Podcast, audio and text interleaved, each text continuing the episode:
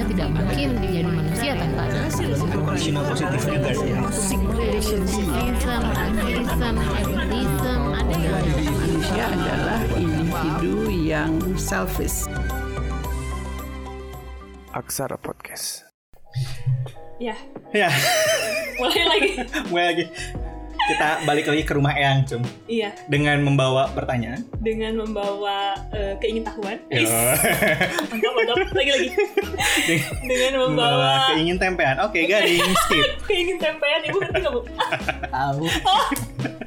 Tahu lah. Jadi apa nih kegaringan yang mau dibawa? Oke. Kalau jadi menarik sih. Masih pengen ngebahas relasi sih, Bu. Oh gitu. Ah, Nggak jadi- bosen-bosen. Relasinya masih gitu-gitu aja soalnya. Ingin advance makanya Ingin ketemu advance. ibu sekarang. Makanya kata Kayaknya dalam rangka mencari pasangan ya. Misi pribadi itu kan gitu. Cem, bahas apa Cem hari ini Cem? Kayaknya bahas yang kemarin eh, Sempet dimention juga sama ibu sebenarnya. Pada sebenarnya itu skenario Supaya dimention gitu Supaya ya. dimention Apa itu Cem? Bucin. Oh oke. Apa singkatannya bucin? Budak cinta. Eh, baru tahu dari kita padahal. Milenial ya. Yang tuh milenial banget. Bukan kolonial, bukan. Bukan. Jadi Bu Emil Yang milenial Halo. Oke, skip. Jayusnya. Iya Bu Kalau ngomongin Jadi kebayang Bu Kalau ngebayangin eh, bucin Mm-mm. Jadi kalau aku sendiri ngelihat sekarang tuh kayak banyak banget hal-hal atau istilah-istilah bucin itu dikeluarin sama Iya. ini dunia maya ya. Katanya gitu. udah masuk ke BBI juga. Eh, serius? Jadi waktu berapa hari lalu aku nge-search bucin, julid itu udah masuk KBBI saking seringnya diucapkan oleh anak muda. Pertanyaannya adalah lu ngapain baca nyari itu? Intinya terlalu slow aja gitu. Adalah selalu bacaannya berfaedah ya. Iya. Jadi gimana cem fenomena bucin itu cem? Jadi gitu Bu, di di media sosial tuh bucin sekarang jadi salah satu topik yang ini ya. Yang Viral. viral gitu. Karena akhirnya eh, yang kelihatan di masyarakat itu pokoknya kalau udah dia punya relasi itu rela melakukan apa pun sampai jadi budak seolah-olah. Kayaknya tuh harus ke mana-mana berdua barengan terus teleponan harus berjam-jam kalau Iya. nggak ada kabar lima menit pun Oh, kamu ke mana kamu di mana dengan siapa semalam berbuat apa gitu bener-bener kayak budak yang harus mengikuti istilahnya seperti budak. Oh gitu. tapi lucunya ya kadang sama-sama gitu ya iya, akhirnya dua-duanya mengiyakan kondi dalam tanda kutip akhirnya ya. Kayak menjadi rule jadi Iya. Rule di dalam relasi mereka. hmm.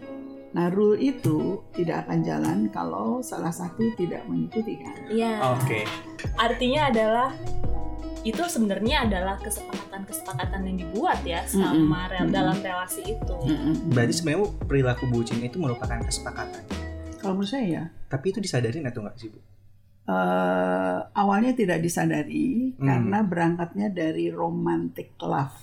oke Hmm. You know that romantic love is eh, cinta buta kan? Hmm. Hmm. Seolah-olah kayaknya nggak bisa hidup tanpa dia. Nah, Nah, iya, itu, itu poinnya. Sampai kadang nggak masuk akal juga sih kenapa perilaku kayaknya sensi- perilakunya. sentimen banget gitu Eh Kenapa enggak kan itu mind blowing. Oh, iya. Nah, itu Iya. dia gitu. Mind blowing. Iya. Is it new terminology? Enggak sih, insightful Oh, mungkin. insightful, oke. jadi memang tadi yang romantis ya bu ya Mm-mm. Karena romantic uh, relationship tuh betul-betul sama sekali tidak ada peran kognitif, tidak ada Oke. peran uh, akal. hmm. Benar-benar didorong oleh emosional. Hmm. Dan you know, eh, kamu tahu bahwa emosional itu biasanya nggak tenang kan? Hmm. Yang tenang tuh kan rasio. rasio Hmm. Jadi eh, Albert Ellis pernah dengar Albert Ellis? Albert Ellis ya dia kan mengungkap eh, apa rasional emotif terapi sebagai terapi yang menurut dia paling pas untuk mengatasi masalah-masalah psikologis kan Hmm. Nah, si Albert Ellis itu mengatakan bahwa rasio is tranquil tranquil itu tenang Tranquil, ya. Ya. Tranquil. tranquil Ya. tranquilizers Tranquility, ya. Pernah dengar nggak ya tranquil nah kalau kita kembali ke bucin eh, romantic love itu benar-benar didominasi oleh emosi emosinya tuh macam-macam kamu harus menjadi milik saja atensi kamu harus pada diri saya Hmm. dan saya akan memberikan atensi sepenuhnya kalau kamu juga memberikan eh, atensi pada saya. Ada gitu timbal ya. balik gitu Jadi ya. ada timbal balik gitu. Oh iya. yang menjadi rule kedua pasangan tersebut sebagai rule yang spesifik dia. Hmm. Yang namanya rule spesifik dia antar jemput, kemudian telepon. Hmm. Kalau di telepon harus langsung Jawab. jawab, WA harus langsung jawab, tidak boleh ada jeda waktu. Hmm. Hmm. Karena itu menunjukkan, menurut pasangan ya, menunjukkan kesetiaan, Hmm. ketulusan, Komitmen. dan kemurnian Oh. cinta kasih. Iya. Aduh. Kalau ngomong cinta kasih mesti begitu, cinta kasih. Eh, matanya harus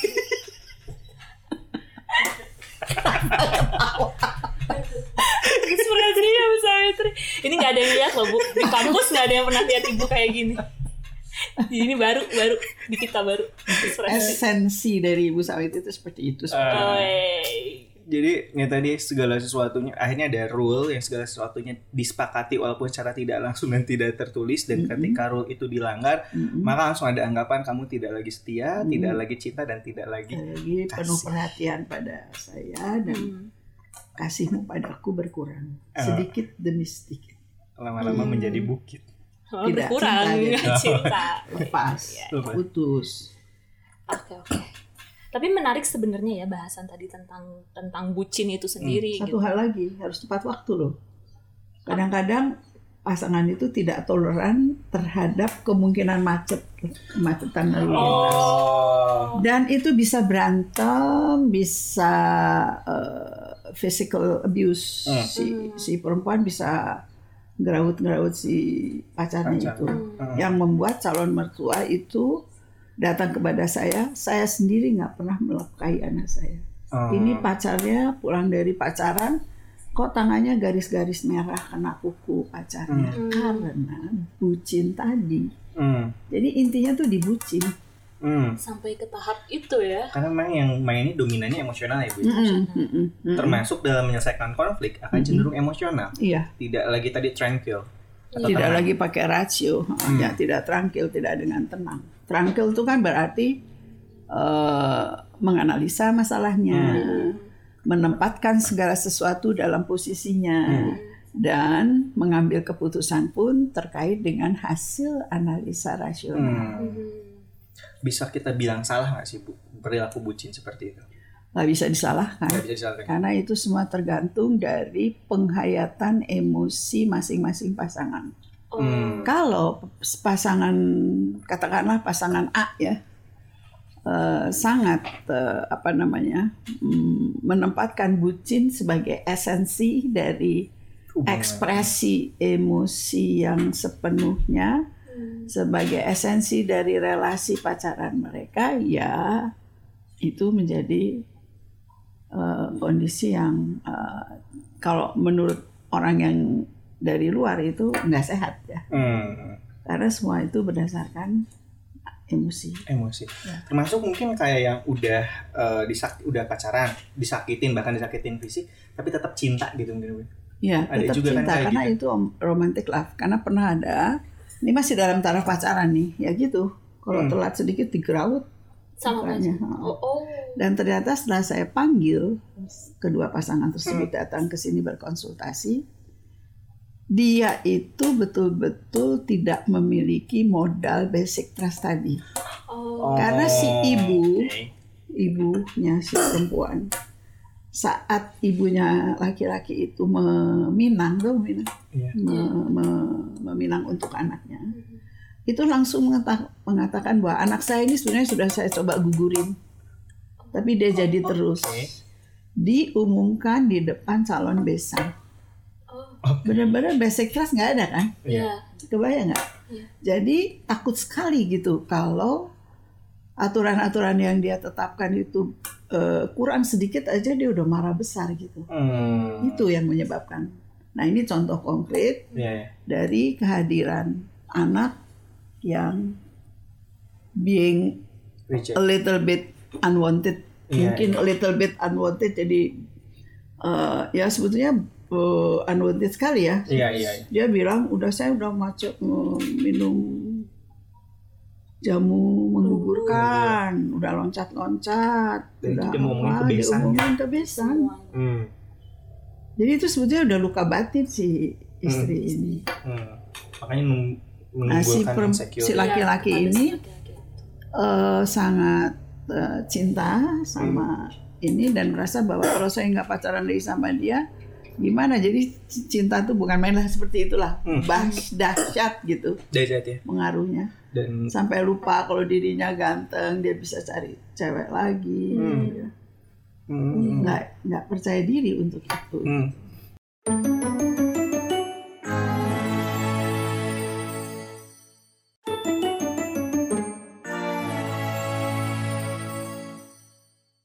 Berarti memang bisa kita katakan bucin itu salah satu man- bukan, Manifestasi. manifestasi bentuk dari perasaan gak aman Nggak atau aman. insecure juga mungkin gitu ya. Bu? Mm-mm, mm-mm, Ah. mm-mm. dan itu sebenarnya bisa terjadi dan bahkan sampai ke level yang ekstrim itu kalau kedua belah pihak sebenarnya melegalkan mengiyakan kondisi tersebut atau ada situasi-situasi yang bucin itu sebenarnya bisa di Kendalikan. bisa dikendalikan jika salah satu pihak sebenarnya punya trust kesadaran dan juga. sekuritas yang Ah. cukup gitu. Ya betul. Intinya di trust.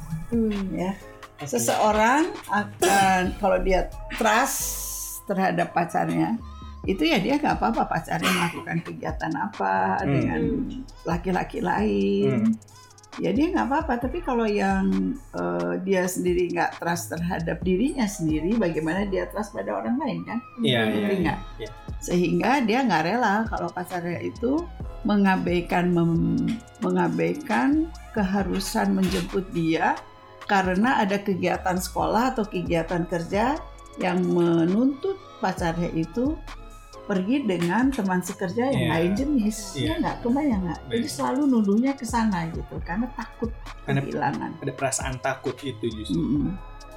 ketakutan ini karena dia nggak secure nggak secure ini karena nggak ada basic trust Hmm. Oke. Dan basic trust itu perannya besar sekali dan itu memang peran Mm-mm. orang tua dan individunya ketika dalam kandungan tadi ya bu. Mm-mm, Hmm. mm-mm, mm-mm. Itu kan kita bicara tentang romantic relationship bu. Hmm, di mana si romantic relationship itu memang kadang kan ya nggak rasional ya Mm-mm, dan malah emosional. mm-mm, mm-mm. Ada nggak sih bu kebalikannya dari romantic relationship yang memang lebih rasional atau tidak cenderung Gini. emosional? Setiap orang pada saat menjalin relasi diawali dengan romantic love. Oke. Nah, cuman penanganan romantic love ini tergantung pada pribadi masing-masing kan. Hmm. Hmm. Orang yang sehat mental, tangguh, punya kepercayaan diri, itu bisa menghayati romantic love sebagai sesuatu yang indah, tapi tidak menyiksa dirinya untuk bersikap posesif. Oke.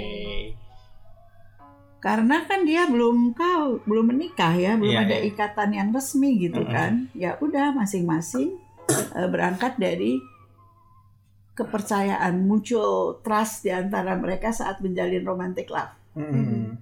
Kalau misalnya mutual trust itu sudah terbentuk pada eh, terbentuk oleh karena didukung oleh ke perkembangan kepribadian masing-masing Hmm. pasangan, maka oke saya pacarnya dia, saya juga Ah. tidak akan melihat orang lain gitu ya. Ya lihat sih orang lain tapi Ya tidak akan eh, hanya sampai ke attraction, Ah, Hmm.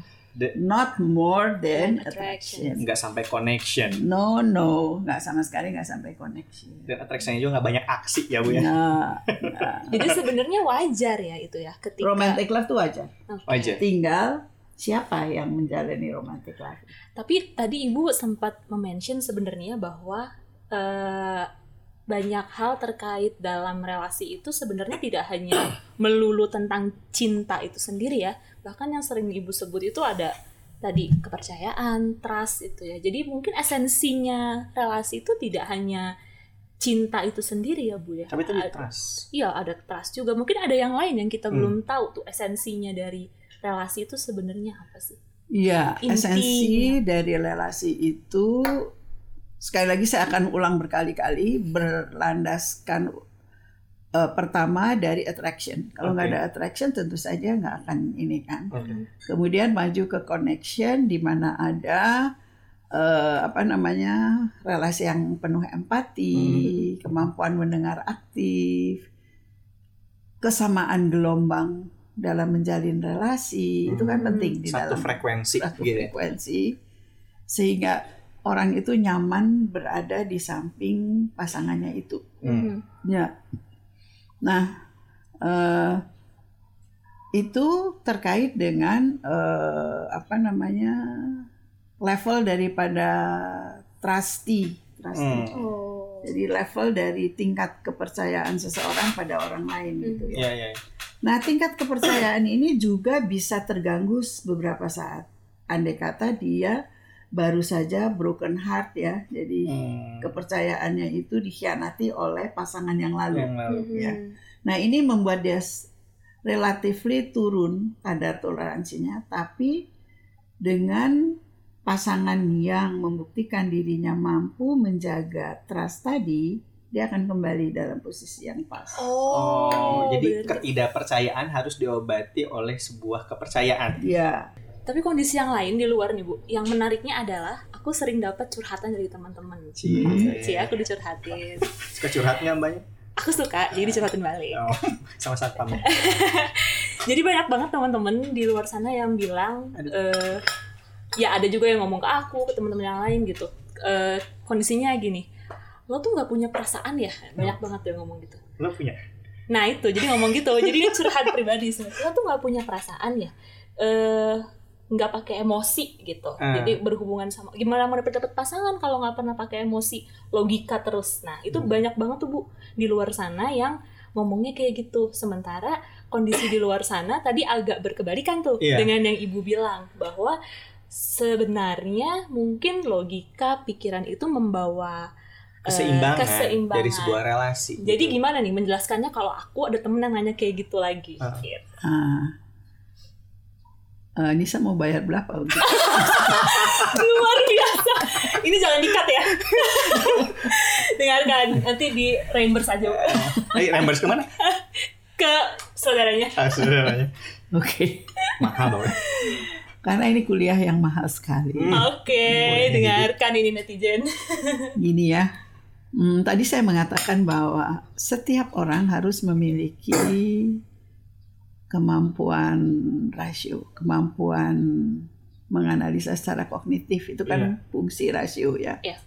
Namun orang yang ekstrimly rasional itu kan kayak robot. Oke. Hmm. Ingat.